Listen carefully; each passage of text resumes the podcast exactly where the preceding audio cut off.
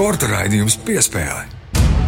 Latvijas radio pirmais kanāls, sporta raidījums piespēle studijā Mārtiņš Kļavinieks un Mārs Bergs. Sveiks, Māri! Sveiks, Mārtiņš! Sveicināti klausītāji! Pirmo reizi 2023. gadā pāršķiram kalendāru, jauns gads, jauns mēnesis, jauns apņemšanās, jauni mērķi. Arī tev, Māri, jauni mērķi, apņemšanās.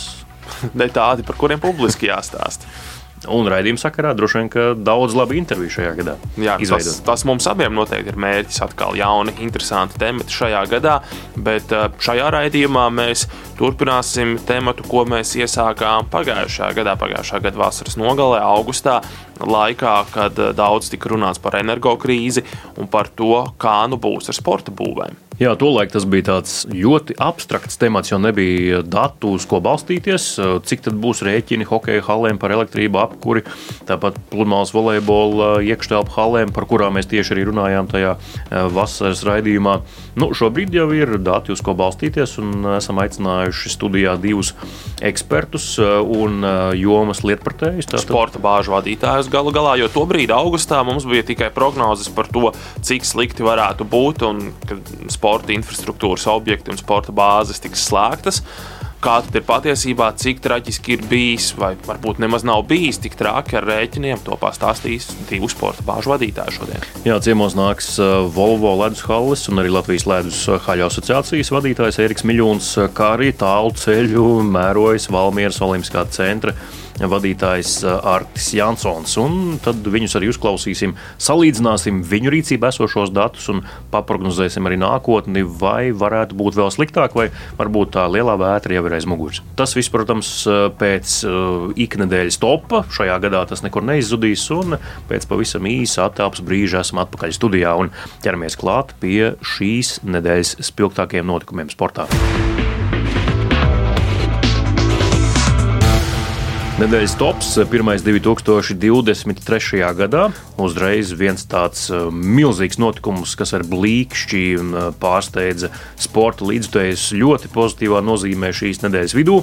Patricija Eidoka, Latvijas labākā distanču slēpotāja, arī sasniedza Latvijas distanču slēpošanā visu laiku augstvērtīgāko rezultātu. Tas prestižajā seriālā Tour de Ski, kas vienlaikus arī pasaules kausa posms. Svarīgi piebilst, ka dienu iepriekš, pirms viņi izcīnīja šo piekto vietu, Vēl dienu iepriekš Patricija bija 14. vietā. Līdz ar to lieliskā formā šajā tiešām smagajā pārbaudījumā, kas ir tūrdeski, ka ļoti īsā laikā ir ļoti daudz sacensības jānoslēpo un nereti slēpotāji izstājas tieši pagurumu dēļ, un arī pati Patricija iepriekšējos gados, vienā no iepriekšējiem gadiem, ir izstājusies no tūrdeski. Obetsdorfā, kur notika šīs sacensības, eh, slēpotāji ieradās 2. janvārī. Zviedrietis sūdzējās arī publiski, arī Zviedru mediju Aftonbladet eh, par to, ka kas tie par laika apstākļiem, pilnīgs ārprāts, plus 14 grādi, saule spīd apkārt dubļi, zaļa zāle, eh, sniegs kūst, ir irdens. Nu, Patricija nesūdzējās. Patricija ņēma slēpes, slēpoja un bija piektā. Jā, Patricija tā pieticīgi, kā jau latviešiem pierasts ar pieticību, aizgāja un izdarīja. Zviedri, protams, Zviedri, Norvēģi lielas zvaigznes slēpošanā, gan sieviešu, gan vīriešu konkurencē. Tur tiešām labi slēpotāji un zvaigžņu netrūkst abās šajās valstīs. Nu, ne, neizskatījās pēc ziemas Vācijā. Tiešām paskatījos arī fotogrāfijas no Obersdorfas. Nu, tur neizskatījās pēc ziemas, tur izskatījās pēc marta beigām, kad uh, viss sniegs ir nokusis. Tad tikai nu, trasē, kur tā sniega ir vairāk, tur arī tas sniegs vēl bija viss pārējais. Tur vienkārši bija pelēks. Bet, nu, diemžēl, ne vācieši, ne arī kāds cits nespēja kontrolēt laikapstākļus. Kādi tie ir, tādi nu, tie arī ir. Jā, bet Patricija, protams, daudz zināma, bet eh, vai šī progresija, kā jau tu minēji, 14. vieta, tad 5 varētu nozīmēt, ka mēs vēl kaut ko varētu sagaidīt arī Itālijā, Turdiskī noslēgumā kaut ko ļoti. Cerams, neesmu distanču šlēpošanas speciālists, nebūtu, ne, bet cerēsim, cerēsim, katrā ziņā Patricijai lieliski rezultāti, un tā ir tikai jāturpina prēmiju, valsts prēmiju nāk, šī gada beigās Patricija nesaņems par šo sasniegumu, jo tas nav ne pasaules, ne Eiropas čempionāts. Tas ir turdiskī posms, tā ir piektā vieta, nevis vieta uz godu piedestāla. Bet, ja mēs tā apzināmies to mērogu, konkurences, mežonību un arī skaitlisko izmēru. Tad, Masveidība ir milzīga distanču slēpošanā tieši tā. Tad šis panākums tiešām ir ļoti, ļoti apjomīgs un milzīgs. Un iespējams, ka viens no lielākajiem vispār sporta sasniegumiem Latvijas sporta vēsturē. Nu, tā, ja mēs rindojam kaut kādās kategorijās, tas, protams, nav tik ļoti tuvu varbūt Aļons Ostāpeņa uzvarai Francijas atklātajā čempionātā vai kaut kam tik grandiozam, bet nu, tas ir kaut kas ļoti, ļoti liels. Nu, katrā ziņā Patricija ir izteikusi ļoti nopietnu tādu pieteikumu, lai tas būtu viens no lielākajiem sporta panākumiem Latvijas sportā šajā gadā. Bet uh, mēs dodamies tālāk, un dodamies tālāk pie kāda sporta veida, kas ir saistīts ar ziemu, bet tur vairāk ledus dominē nekā sniegs. Piespēle. Nedēļas top turpinājumā Latvijas junioru hokeja izlase spēlētājiem vecumā līdz 20 gadiem saglabā vietu elites divīzijā pasaules čempionātā un eh, Halifaksā savas gaitas eh, šajā turnīrā noslēdz 9. vietā pasaulē, apsteidzot tātad vienu komandu augstākajā divīzijā, bet saglabājot vietu arī nākamgad. Minimālais uzdevums tātad Latvijas izlasē tika izpildīts, vieta U20 elitē ir noturēta, 9. vieta apspēlēta Austrija, kas šajā turnīrā bija objektīvi vājākā izlase. Mārtiņa, kā tev šķiet, mūsēja sasniedza maksimālo savu potenciālu šajā turnīrā, vai tomēr ir kaut kādas mīlas un sajūta, ka varēja izdarīt vairāk. Tāpat spēle pret Šveici, divi sausie zaudējumi pret Somiju un Slovākiju. Arī tajos eh, pēcspēles komentāros pēc otrā mača pret Austriju Arts Sābols daudz laika veltīja, lai rezumētu spēli pret Šveici. Varēja redzēt un just, ka tas viņam ārkārtīgi gremt. Viņš arī teica, ka meklē vainīgo sevi, tur konkrēts iemetiens zaudēts un tā tālāk. Nu, acīm redzot, jā. Bet tā... Mārtiņš jau nespēlē iemetienā, viņš jau ļoti sen nespēlē hokeju profesionāli. Kaut gan uh, viņš ir ļoti labi to darījis. Iemetienos spēlējis tieši tā, bet uh, acīm redzot, ka varēja paveikt kaut ko vairāk, bet, kā jau es teicu, arī sporta ziņās, kas ir šo U izlašu, jeb jauniešu junioru izlašu galvenais uzdevums. Tas ir gatavot spēlētājus lielajai izlasē. Un, ja no šīs komandas par profesionāļiem kļūs Patriks Bērziņš, Gustavs Ozoliņš, Martins Laviņš, Dans Ločmelis, Sans Vildmanis, tas jau būs ļoti labi, ja pieci, piemēram, kļūs par profesionāliem hokeistiem. Bet profesionāliem tādā izpratnē, ka viņi tiešām spēlēs laba līmeņa līgās, jo tikpat labi par profesionāļiem mēs varam saukt arī Latvijas čempionātā spēlējušos vismaz daļu no tiem, kas spēlē, bet par tiešām augsta līmeņa spēlētājiem, kas būs izlasē nacionālās izlases papildinājums. Jā, un tas arī ir tas galvenais uzdevums šīm komandām - veidot to attaudzi lielajai izlasē, un cerams, ka papildinājums būs. Nu, talantīgi šī paudze ir. Jā, varbūt 2002. gads, kas bija augustā, tiek uzskatīts par nedaudz talantīgāk nekā 2003. kas bija pamatgads šeit, Kanādā, bet um, nu, to visu viņi var apgāzt un pierādīt pretējo. Nu, katrā ziņā trīs NHL draftā izvēlēti spēlētāji arī mums šajā izlasē bija Dans Ločmēls, Sāns Vilmans un Klaus Veinbergs. Kurš nospēlēja labāk, kurš mazliet švakāk, nu, laikam visvairāk izcēlās Dans Ločmēls ar savu rezultatīvitāti, arī kreativitāti laukumā. Arī NHL klubu skauti, menedžeri sēdēja tribīnēs, vēroja arī Latvijas-Austrijas spēles, skatījās. Līdz ar to varbūt kāds kaut kur iekritās īsi pierakstu blociņos. Pilnīgi noteikti kaut kas ir pie viņu vārdiem pierakstīts. Tā kā atliek tikai turpināt strādāt, viņiem ir jāpierāda sevi, jo viņi ir izvēlēti jau NHL draftā. Tātad komandas uz viņiem liek cerības, un viņi paši noteikti sajutuši, ka ir pussolīti tuvākam lielajam katra hokeja sapnim par NHL. Nu jā, un vēl pie hokeja ātri atgriežoties, tad um, pavisam netik sen, pirms aptuveni 6, 7 gadiem, juniors bija arī Rodrigo Abols. Viņš arī spēlēja Latvijas junior izlasē. Tagad uh, viņš ir Erebru komandas kapteinis Zviedrijā. Arī pagājušajā gadā pasaules čempionātā bija Latvijas izlases kapteinis, bet nu, ir skaidrs, ka viņš Erebru nepaliks. Uh, ir jau parakstīts līgums ar citu komandu. 1. janvāris iesākās ar blīkšķi sporta pasaulē pēcpusdienā. Tad oficiāli parādījās šī ziņa no Zviedru medijiem, ka Rodrigo Abols pārcelsies uz Rogla komandu. Rodrigo intervijā ir izteicies, ka Erebru neko viņam nepiedāvāja īsti, tad kaut kādas sarunas ir bijušas, bet līdz papīram, kur, kur ir jāuzliek paraksts, nebija nonācis līdz tādam konkrētam piedāvājumam. Pēc tam Zviedrijas medijos parādījās intervijas ar Erebru ģenerālmenedžeri, kur viņš zviedru valodā gan, bet pēc konteksta ir noprotams, ka viņš stāsta pilnīgi pretējo. Ka kaut kas ir bijis vairāk kā ābols. Saka. Kādreiz bija tāds um, seriāls X-File, un tur bija slavena frāze: patiesība ir tur ārā. Bet uh, gan jau patiesība ir kaut kur tur ārā vai pa vidu. Galvenais, lai Rodrigo viss izdodas uh, turpmākajā karjerā, un arī Engelholmā, kur bāzējas Rogla komanda, viņam būtu labi apstākļi. Viņam ģimenei, viņam tur patikt, un viss būtu kārtībā. Jā, katrā ziņā komanda ar pietiekami lielām ambīcijām. Pagājušajā sezonā viņi triumfēja IHF Čempionu līgā. To mēs varam uzskatīt par nopietnu vai netik nopietnu turnīru. Taču tur spēlē. Tur ir jāuzvar. Jā, tā tieši tā, un viņi uzvarēja pietiekami labā konkurencē. Beigu beigās tur arī spēlē Somijas labākās komandas, Čehijas. Līdz ar to Rodrigo Abola piesaisti liecina, ka komandai, protams, ir ambīcijas un tā vēlas cīnīties par medaļām Zviedrijā. Un pēdējā pieturvieta - tenis. Tālā Austrālija, Adelaide, 500 punktu turnīrs, Aļona Stapenko. Pirmo spēli turnīrā uzvar Varēni, zaudēja tikai četros gejmos, otro spēli pārliecinoši zaudēja. Un uzvaru pirmajā spēlē Ļona uzvarēja ne jau kaut kādu tenisistu no otrā simta. Viņa uzvarēja Karolīnu Pliškovu, bijušo pasaules ranga līderi, kura pēdējā gada laikā ir nokritusi nedaudz reitingā līdz 30. pozīcijai vai 31. Attiecīgi, jebkurā gadījumā ļoti augsta līmeņa tenisisti un Aļona uzvarēja pārliecinoši sagrābu Pliškovu. Bet Aļona pati spēlē precīzi spēcīgi, ar precīziem sitieniem, visu izdarīja skaisti un tā kā pēc notīm. Pien... Tā bija tā Aļona, kas ir koncentrējusies, kas lieki netērē enerģiju nevajadzīgām lietām, nelamājas tur, kur nevajag.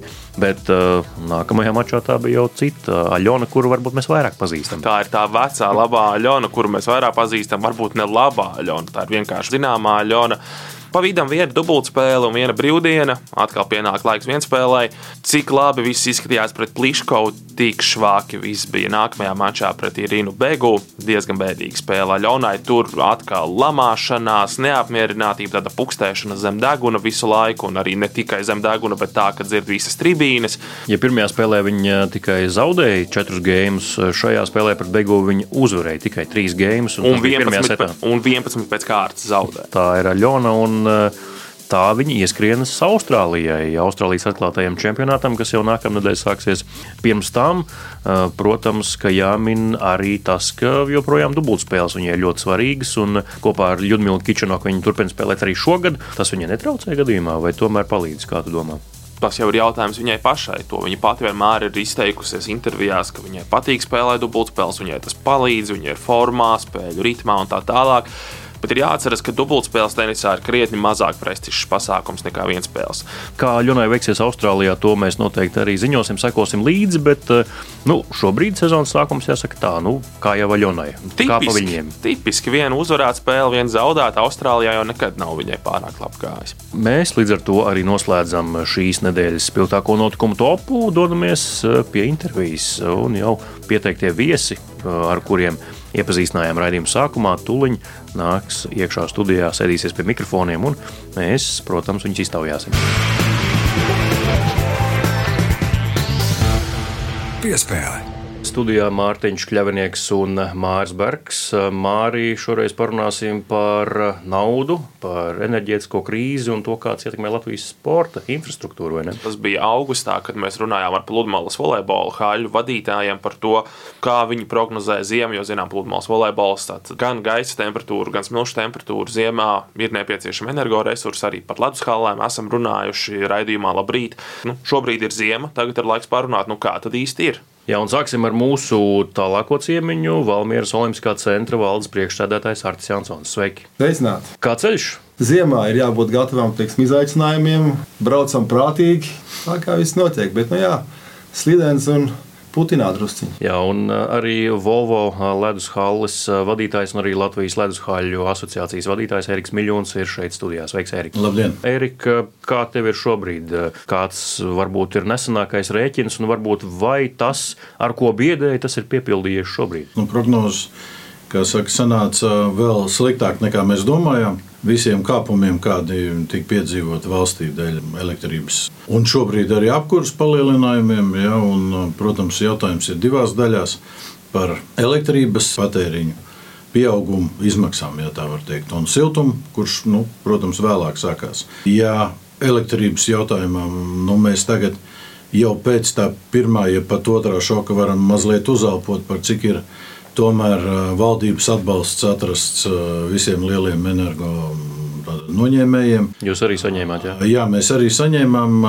Tas nav pietiekoši, lai būtu apmierināti. No tā leduskaļa īpatnības ziemas periodos tie rēķini citreiz ir mazāki nekā pavasarī, vasarā, jo tad kompresoriem vairāk jāstrādā, jo nu, siltāks telpas. Un, un, protams, ir neziņa arī par tālāko. Ir labi, ka ir atbalsts, bet ir slikti, ka nav atsevišķi izdalīti tā, tā kā mēs gribējām. Nu, sanāca, ka mēs cīnījāmies visās frontēs par elektrības rēķinu samazināšanu un dabūjām nu, saka, visai valstī vienādus noteikumus. Ja? Un, nu, tomēr mēs vēl neesam atmetuši domu, ka varbūt tomēr var izdalīt nedaudz arī kaut kādas papildus privilēģijas ledus halēm, ja, kas veids nu, tādu īpašu funkciju. Protams, ka katra hala ir šajā laikā veikusi arī savu mājas darbu, nu, risinājusi, ko var uzlabot, kur var iekonomēt. Jā, tur gan samazinājusi tur visas uh, ūdens temperatūras un, un elektrības liekās nogriezušas un sensors sapirkt, ja, un ir izdarīts nu, pat varbūt ieguldījums vēl lielāks tādā nākotnē. Ja, katra hāla var kaut ko ir, kas siltumsūkņus uzlikusi, kas uh, saules baterijas. Bet, jebkurā gadījumā, risinājums vēl līdz galam nav beidzies, un mēs ļoti ceram uz jauno valdību. Kārti, kā jums Valmjerā, jums tomēr arī nu, tāds ļoti liels objekts ir. Tad Valmjeras Olimpiskais centrs tur ir vairāki sporta spēļu laukumi, trīs laukumi. Tur ir, ir ledushala, ir peldbaseins, ir ko sildīt, ir kur tērēt arī elektrību. Tieši tā ir vēl arī nu, no 21. gada ir klāta nācija stadions jauns, ko mēs ar gāzi apkurinām. Pietiek izaicinājumu, daudz lietas vērtīgas, kā tiksim, ieskicēja, kas tieši tāpat attiecās arī uz mums. Un, protams, tad, kad mēs saņēmām augusta, septembra, oktobra rēķins par elektropatēriņu, tad likās, ka vajadzētu slēgt visu ārā. Bet, nu, jā, nu, tāpēc mēs esam varbūt arī vadītāji šo zāļu un sporta kompleksu, kad mūsu pienākums ir meklēt soļus tālākos, kurus un kā spērt, lai varētu izdzīvot, un, un lai būtu pieejams ūdens, lai būtu pieejams ledus un tā tālāk. Domāju, ka šo ziemu mēs eh, varēsim izdzīvot, kad viss būs ok, bet vai ledus vasarā būs, tas ir ļoti liels X, ko mēs vēl pateikt nevaram. Ja pieņemsim maijas, jūnijas, jūlijas. Teiksim, augusts ir bez ledus, tad eh, kas no tā tiek Hokejam nu, viņš viss stāv uz vietas. Faktiski. Tie ir tie jautājumi, ko mēs vieni paši izlemt nevaram. Kā, jā, ļoti gaidām dažne dažādākos risinājumus, atbalstus, lai varētu nodrošināt patiešām šīs nepieciešamās lietas. Kas uh, Valmieras Olimpiskajā centrā ir tas uh, enerģiju prasošākais objekts? Tas pats ledus jau ir. Jā. Hmm. Ledus, ledus un pēc tam ūdens. Abi tiksim aptverti tērē vienādi. Pasienas ir hāle, jā, kompleks, mums ir sporta kompleks, ir, ir vairāk baseini, ir tiksim, ledus hāli, nu, tas viss. Jā, mēs mēģinājām nolaist kaut vai par vienu grādu ūdeni. Nu, tas, diemžēl, tiksim, kad uh, neiet cauri ilgtermiņā. Uh, Te ir tikai divi varianti. Es uzskatu, vai nu tu spēj teiksim, nodrošināt pilnu paketu, tā kā tam ir jābūt, vai nu tādas lietas ir. Eri, kur ledus hāli var ietaupīt? Vispār ir kur ietaupīt? Nē, nu, protams, kā jau teicu, mēs gan tur uh, saules paneļus uh, provējam uzlikt, bet nu, viņi nosacīja vienu procentu no patēriņa, ja, un arī tikai vasaras periodā. Ja, tagad, kad ir sniegs apsamītis vai kaut kā, tad tas viss ir pa tukšo. Mēs tur mainām visādas lampas, ja mēs samazinām visu, kas ir ar ūdens sildīšanu, nu, temperatūru, ar ko lietu ledu. Ja, tas atkal dod bišķiņu kvalitāti. Ja, zudot kvalitāti, nu, mēs atkal zaudējam ja teiksim, ventilāciju samazinām, tad atkal parādās noticējumi visādāk. Nu, kā sākam kaut kur ekonomēt uh, virs tās normas, ja, tā uzreiz rodās kaut kādas problēmas, kuras pēc tam būs tik un tā kaut kādā veidā jādzēš. Un tāpēc uh, dzirdēts, ka halas tur nav bijušas gatavs un tur ir tā, nu, es negribu piekrist. Ja, Nekur nedeg neviena liekā lampiņa, nevienā nu, halē varbūt izņemot tajā, kur ir uzcelta, kur nav lampiņas slēdzi pēdējā hala Latvijā. Ja, bet, nu, Kāds tad ir eh, tas pēdējais rēķins, nezinu, piemēram, par elektrību? Tas ir tik liels, kā tu gaidīji? Vai? Februāra, mārta rēķini bija 30, 40 tūkstoši ja, plus PVN. Tad uh, rekords bija 120 jau plus PVN, un tagad ar atbalstu ir nokrities uz 80, 90. Nu, kas ir vienalga trīskārši vairāk Trīskārši, jā. nekā, nu, nav četrkārši. Ja? Paldies valdībai, nav četrkārši. Bet, nu, varbūt tās, ja tad drīkst, es nu, arī tādu mazu, mazu jautājumu, ko es, man kolēģis strādā Nīderlandē, Beļģijā. Tur, un Tajā brīdī, kad mums ledus haļu ledus izmaksas ir ā, 300, Beļģijā ledus halas stundas cena ir 92 eiro. Privātā hale ar visu peļņu, bez atomu kaut kādām elektrostacijām Beļģijā, bez saviem heisiem. No kurienes un kāpēc? Ja? Tad, tad varbūt te kaut kur jāpameklē. Droši vien mēs arī varam runāt arī par apkurses rēķinu. Tīpaši tātad Valmjerā jums trīs laukumi ir pamatīgi telpa, ko piesildīt. Tas pats peldbaseins arī tas ir jāsilda, gaiss ir jāuztur konstantā temperatūrā. Decembris ir bijis, nu, lielākā daļa decembra pagāja ar diezgan stabilu salu, vai gaidāms arī liels apkurses rēķins tagad. No apkurses rēķina mums ir uh, ziemas, es varu teikt, par decembri jā, bija uh, nepilnīgi 30,000. Priekš mums tas ir, es teiktu, ka ok. Bet salīdzinājumā ar teiksim, gadu senu pagātni, 20. 10,000 bija nācis klāt. Trešdaļa kāpums. Jā, bet sildījām, cik, cik nu vajag. Tad, tagad, protams, mēs griežam pa nakti kaut ko nost, un tā tālāk ir, ir ļoti liela ekonomija, un, un ir telpas, kuras, tiksim, kad absolūti ļoti maz, un tādā veidā mēs spējam tikai šo skaitli, tiksim, izcīnīt. Ja saimnieko tāpat kā iepriekš, tad tas skaitlis būtu vēl lielāks. Nu, reiz divi vismaz, jā. Vai klientūru tas kaut kā ietekmē? Nu, jums ir mazāk klientu, kāds atsaka, saka, ka nevar Nē, samaksāt. Es uzskatu, ja mums ir jāspēj eh, pakalpojums nodrošināt tādā pašā līmenī kā iepriekš, un līdz ar to arī klienti mums ir pietiekoši daudz. Mēs nevaram, teiksim, kad pārdot ledu par 300 eiro, un kad viņš ir tur mīksts vai slapjš, un teikt, nu, veči, jūs jau paši zināt, tā, nu, kāds ir tagad laiks. Par pakalpojumiem maksā viņi. Mūsu darbs tas. Pakalpojumu cena ir kāpusi. Ja? Pakalpojumu cena ir kāpus ledum, jā, protams. Arī Pārējiem? jā, laukumi ir peldbaseins. Pelbasēram cena ir kāpus, bet es teiktu ļoti maz.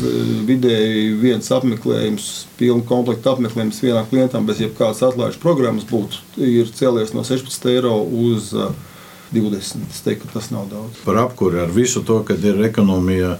Cik vien ir iespējami, loģiski. Ir daudzas telpas, nu, kuras ir vispār nolaistas uz minimumu. Ja, un, protams, te atkal vai klienti ir samazinājušies. Ir klienti salīdzinoši saprotoši. Ja, saprot, ka nu, tagad galvenais ir, lai cilvēki tiek uz ledus un spēlē, nevis vai nu, tā pati dušas temperatūra nu, ir pa grādu mazāka. Ja, tā, nu, kad, protams, ir, ir vēsāks ģērbtuvēs, ir vēsāks visā objektā. Bet eh, neskatoties uz to, tas viss ir trīs, trīsreiz dārgāks. Ja, un ledus cena nav no augusta mainījusies. Ja, un, nu, saka, strādājam mēs mīnusā uz nākotni, ja, nu, ja tā var teikt. Tātad amatieru komandās, kas nodrošina lielu daļu ledus noslodzes, tāds atbirums nav pagaidām manāms. un Arī, bet kā ar prognozēm uz nākotni? Atbirums ir visos līmeņos. Es tā vienkārši rēķinu, ka aptuveni 85% nu, vienalga mums darbojas bērni. Tas ir pa visām halēm kopumā. Un, uh, ir atbildams gan uz bērnu rēķinu, dažādu iemeslu dēļ. Visās komandās ir samazinājies tātad, uh, uz kopējiem izdevumiem, uz, uz ģimenes uh, budžetu. Samazinājies uz to, ka ļoti daudz ir aizbraukuši uz ārzemēm, tie, kas kaut ko grib, kurš ir turpinājums pēc Covid pauzes. Ja.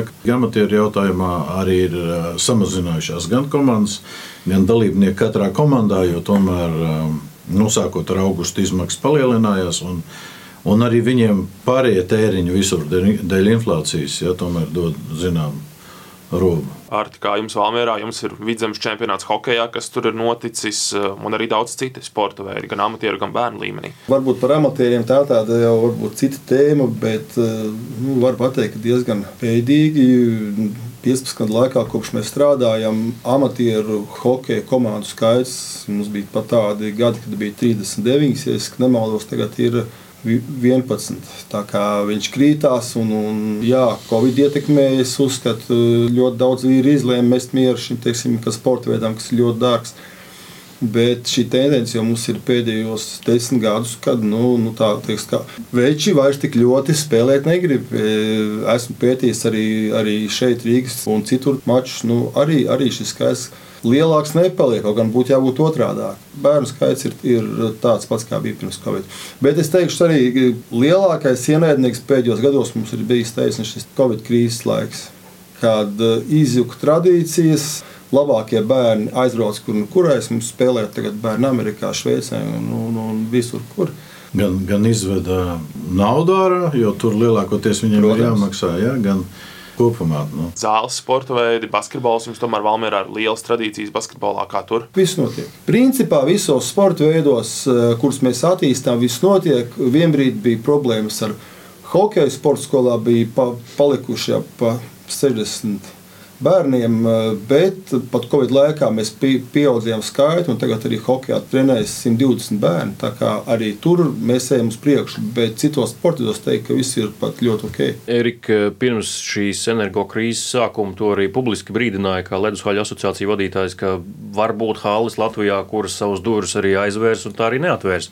Vai šobrīd ir kāda hala, kas ir aizvērsies? Nav, nav ir, eh, nu, ja neskaita majors, laikam, kas bija nu, neatkarīgi no tā, ka viņiem tur ir tās halas kalas, kuras bija uz, uz atvēršanās robežas. Nu, es esmu runājis ar tām kalēm, kas bija bīstamajā jā, kategorijā, varbūt tās tur gan ogri, gan uh, inbox. Jā, Vēl bija jā, halas. Nu, vienkārši ir jāaptur. Ja, tad pēc tam nekad vairāk viņu nu, pazudīs tās tradīcijas pavisam. Un, un visas tās komandas, kas ir, viņas pāries uz citurienu un, un vairāk nekad atpakaļ neatnāks. Tāpēc nu, katra hala cenšas uh, izdzīvot. Ja, un, liela daļa haļu pārslēdza visus savus iespējamos līgumus par elektrībām. Un, un par visiem tiem nu, piegādājumiem, ko vien var izdarīt. Ja, un, nu, veicam maksimālu darbību, lai šogad mēs atvērtos. Un līdzīgi kā Valmiera, būs ļoti liels izaicinājums pavasaris. Tad, kad elektrības rēķini pat pieaugs, ja uz to brīdi nebūs rasts tas valdības atbalsts, nu, tad var sanākt, ka nu, ātrāk nekā parasti jā, tiks aiztaisīts haus, jo tas nebūs rentabli pavisam. Jā, šobrīd redzam, ka elektrības cenas biržā ir kritušās, gāzes cenas ir nokritušās pat līdz pirmskara līmenim, faktiski un pat zemāk. Vai jūs redzat eh, kaut kādu situācijas normalizēšanos mazliet ilgākā, tādā vidējā termiņā? Te ir tas moments, ka līdz ko paceļās cenas, jeb izaug, tā uzreiz noreaģē momentāli mm. mūsu visi tie, kas atbild par šiem jautājumiem. Mm. Bet tajā brīdī, kā krītās, tā inertums notiek ļoti atpalicīgi. Ja? Nu, Valmierā redz kādu prognozējamību tuvākajā laikā, ka nākotnē varētu būt relatīvi stabila vai tomēr tāda nu, trauksmaina arī var būt. Zināt, es jau teiksim, vadu šo centru 15 gadus, laikam, vēl plus rastīt. Nu, visu laiku ir izaicinājumi. Priekš tam mēs esam, lai rastu, teiksim, kad risinājums ir izsināt viņu. Vēl par elektrības cenām var tikai pateikt. Un ledus halēm, ja saglabātos elektrības rēķini septembrī, teiksim, plus mīnus, kā, kāda bija septembrī, teiksim, kad ar garantiju pusi, teiksim, kad ledus halas būtu cieta. Jo, tas bija tas lielais sitiens, pēc kā arī sāk runāt. Tagad šī cena ir daudz mazlielāka. Viņa tāpat ir ļoti liela. Un kurš ar minimāliem teiksim, mīnusiem, kurš pa nulēm varbūt var teiksim, izvilkties, bet cik tas ir ilgi, jo mm. iekārtas dilst, viss ir jāatjauno, jo viņš ir ļoti teiksim, tāds energo un, un tehniski teiksim, ietilpīga lieta, kur visu laiku ir jāpērk eh, viss, kas klāt, lai tas izskatos vismaz tādā pašā līmenī, kā bija. Nav tā garantija, kad, cik ilgi būs tas atbalsts un kāds būs atbalsts, ja, un kā viņš mainīsies. Ne, pat, pat ja neko neliekot klāt, nav zināms, kad nu, tagad tur roiks tā kā nulle, ja cik ilgi, kad pavisam beidzās tas, ja šī atbalsta līdz tiem, kas tur 18 ietiem, kad viņš beidzās, ja, kā, kā tas ir, kā pagarinās, samazinās. Nu, Neskaidrība par nākotni ir arī tāda bīstama lieta, ja tu ilgtermiņā neko prognozēt nevari. Nu, es domāju, uz šādas nots mēs liksim arī šai sarunai punktu. Paldies, kungi. Noteikti varētu runāt vēl daudz un dikti, bet ēteru laiks, diemžēl, ir nepielūdzams. Un uh, tad jau es domāju, ka tiekamies kādu citu reizi, vai ne? Jā, tieši tā. Paldies, ka ieradāties pie mums uz sarunu, uz tikšanos kādā paldies, citā reizē. Paldies! Jā, paldies! Sporta raidījums piespēlē studijā Mārtiņš Kļavnieks un Māris Bergs. Tāda lūk saruna ar Ēriku Miljonu un Arti Ansonu. Tagad palūkosimies uz to visu no drusku citas perspektīvas. Kas ir tie, kuri nu, vistiešāk ar saviem maciņiem balsta Latvijas bērnu un jauniešu sportu? Amatieri un vecāki. Galvenokārt tieši vecāki ir tie, kas atbalsta tīpaši savu bērnu sportu, protams, vadot bērnus uz treniņiem dažna, dažādos sporta veidos. Un uh, šobrīd ir laiks mūsu tradicionālajai rubrikai, kas, protams, atgriežas arī šajā gadā. Tā nekur nepaliks un būs šogad raidījumā piespēle, proti, rubrika Kas lācītiem vēdā. Tur mūsu kolēģis Reinis Grunsteņķis šoreiz devās uz bērnu un jauniešu treniņiem, lai aprunātos ar vecākiem. Kas lācītim vēderā?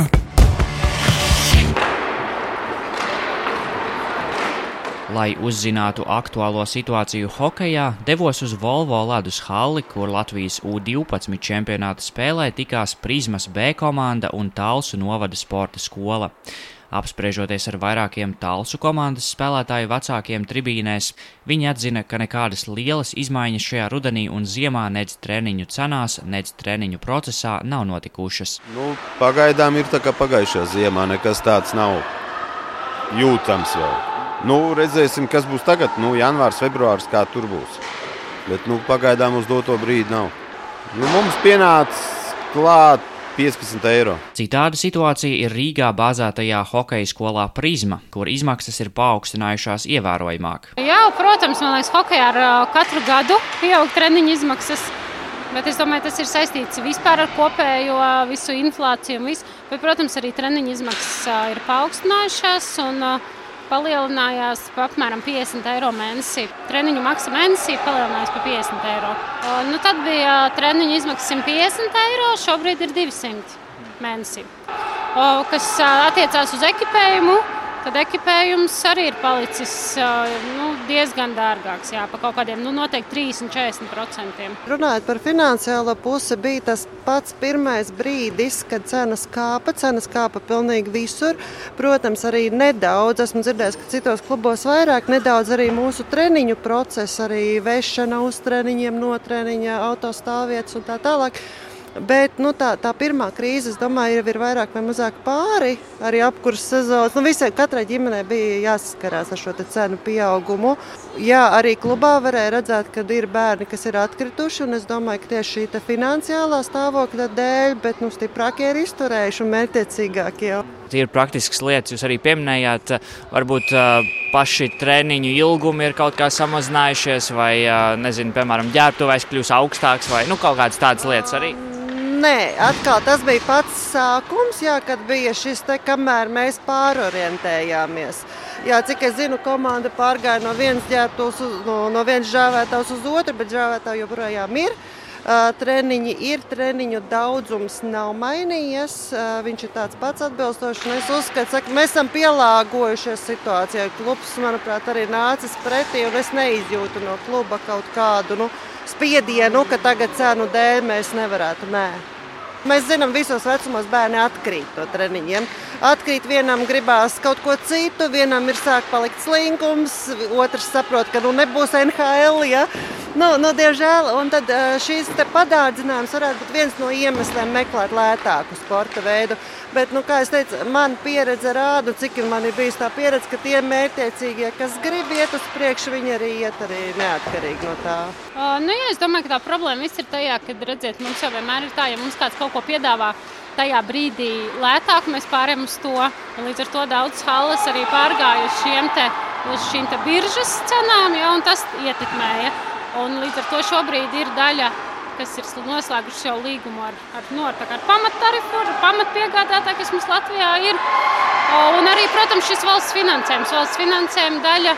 Es domāju, ka tas arī ir tas atspējs, kas šobrīd Halēm ļauj turpināt nu, darboties. Jo, protams, ja tas ja nebūtu šī kompensācijas daļa, nu, tad tas sporta veids mums noteikti būtu šajā halē nevis 200, bet es domāju, ka kaut kur 350 eiro noteikti vecākiem būtu. Lai situācijai hokeja rastu salīdzinājumu, sazinājos arī ar galvaspilsētā bāzētās futbola skolas meta divu audzēkņu māmu Ievu. Mums ir divi bērni, pareizi sakot, futbolā. Viens ir četrgadīgs, otram šogad būs astoņi gadi, viņš iet trešo gadu. Nu jā, viņš ir pirmklasnieks, treniņu laiks ir patiesībā uzreiz pēc skolas pagarinātās grupas.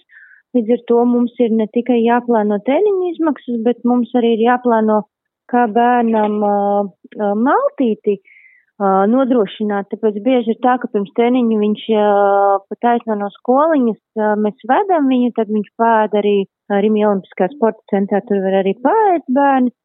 Tur arī var just, ka šogad jau rudenī cenas tika mazliet pārskatītas, bet bērnam ir jāpēd pirms treniņa pretie gadījumā. Viņš ir tikai pusdienas vai launadziņu skolā dabūjis divos kas attiecās uz uh, mēneša maksājumu, tad, jā, pagājušajā gadā mēneša maksājumi arī mazliet tika pacelti, jo tomēr treniņi telpās, daļa nodarbība ir telpās. Mums ļoti labi ir tas, ka mums sporta klubs nāk pretī un otriem bērnam dod atlaidīti, kas ir ļoti liels uh, atbalsts šajā gadījumā, sevišķi, ja tev ir divi, trīs bērni. Es nezinu, vai citiem klubiem arī ir šāda sistēma. Es nezināšu, kā ar citiem klubiem, bet es zinu, ka citās pulciņos tādas atlaides nav. Tas nav ne basēnā, piemēram, tādas atlaižu sistēma nedarbojas, bet šajā gadījumā futbolā, ja tas darbojas, tas ir ļoti liels atbalsts. Nu, ka tam otram bērnam tomēr ir puses bērns Ja tā ciparos jārunā, varbūt tā, cik, cik izmaksā mēnesī tie treniņi, vai, nu, varbūt, ja jūs nevēlaties saukt tur precīzi skaitļus, tad varbūt pa cik procentiem tās cenas tur ir palielinājušās apmēram. Nu, cenu es teiktu par kaut kādiem, nu, 20% noteikti jūt, ka ir dārgāk palicis, jo mums uh, tīri uz tām pastāvīgajām izmaksām, ja mēs skaitam vēl klāt ēdināšanu, uh, tad, protams, ka tas cipars ir vēl lielāks, jo otrs bērns ir līdzi, otrs arī tad ir jāpaēdina, un tad jau mēs uh, to pilnīgi savādāk tie cipari ir. Bet, uh, ja mēs skatāmies tīri uz tādām telpu, transporta izmaksām un uh, to mēnešu maksājumu, jā, apģērbs arī, apģērba izmaksas ir pa, pacēlušās, tad tas noteikti ir savu 20, 15, 20% kā minimums. Es domāju, ka ir palielinājies. Vienmēr ir mums uh, laiks, ir pusotra stunda katram treniņam, nu, lielākiem bērnam, mazākiem ir stunda. Treniņš patiesībā nekad minūte minūtē nebeidzās, mums man liekas, ka vienmēr ir vismaz desmit minūtes uh, iet pāri. Lab, labāk ir tas, kad vecāki arī bija tā kā jautājuši, un viens no trīs treniņiem ar šo gadu notiks tomēr ārā. Jā, tad, kad bija Covid laikā, tad treniņi notika ārā, un bērniem bija ļoti labi tā imunitāti, viņi bija tā kā norūdījušies ziemā. Es šogad rudens pusē jūtos, ka visi treniņi ir iekšā, bērni sāk puņķoties, klēpot skolā. Vecāki ļoti vēlēs, lai viens no treniņiem būtu ārā, un tad, jā, ar, šo, šobrīd ar janvāru viens no tiem trim treniņiem ir ārā, kas, manuprāt, ļoti labi. Es domāju, ka mūsu grupā mazliet savādāk būtu skatīties, jo mums visiem ir pirmklasnieki, un tas diezgan daudz ko maina loģistikā, jo ir bērni, kurus jāved ir tālāk, un viņiem šī skola beidzās arī ap trījiem, piemēram, vai pagarināties grupas četriem, un tad esmu runājis ar citām mamām, ka viņas sāk izvērtēt, vai viņas vispār spējas izvadāt. Gan no tā, tas, ka tev ir jārēķina transporta izmaksas, gan arī no tā, ka tas bērns vienkārši ir jau noguris, ka viņam vakarā vēl pēc garas skolas ir bērnārs tomēr savādāks, tad viņi visi ir izgulējušies, bet mums šogad ir visi pirmklasnieki. Nu jā, un arī, ja mēs skatāmies tomēr pašvaldības atbalsts, uh, piemēram, pirmajā klasē, ja tu vēlēsi iet, tu var skolā arī apmeklēt gan futbola nodarbības, gan uh, basketbola nodarbības, kas ir kā ārpus uh, kārtas pulciņš, bet tur pašvaldība tomēr sēdz tās izmaksas. Un, kad es kaut kādām mamām runājis, viņas tomēr izvērtē, iespējams, ka bērns pāries uz tādu vieglāku līmeņu, bet basketbola nodarbību, jo viņam par to nebūs jāmaksā skolā viņš būs aizpildījis savu laiku.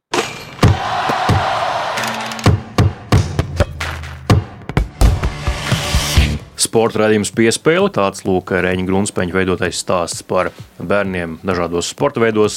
Nu, cerams, ka enerģijas krīze mazināsies ar katru mēnesi un nebūs vecākiem jādomā par to, ka varbūt nu, liekt savām atvesēm trenēties, jo gluži vienkārši ģimenes budžetā nepietiek naudas līdzinējai nodarbēji, bet nu, galvenais jau cerams, ka ar halēm un um, objektiem, infrastruktūras objektiem viss būs kārtībā.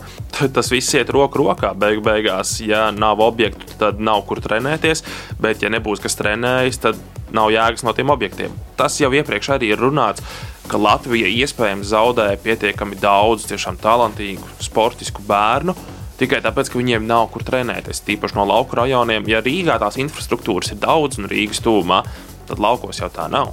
Bet eh, mēs līdz ar to no jums šoreiz atvadāmies. Eh, paldies, ka klausījāties, bet eh, dariet to noteikti arī nākamajā svētdienā, un dariet to noteikti katra mēneša pēdējā svētdienā, jo atgādinām, ka tas ir Gunārs Jākapsona rubrikas laiks, un 2023. gadā nekas nemainās. Arī janvāra pēdējā svētdienā Gunārs būs šeit, bet līdz tam jāpagaida vēl. Mēs būsim atpakaļ jau pēc nedēļas. Atkal runāsim par citiem tematiem un runāsim arī par citiem notikumiem sporta pasaulē. Cerēsim, ka Latvijas sportisti mūs iepriecinās ar augstvērtīgiem panākumiem arī nākamajā nedēļā.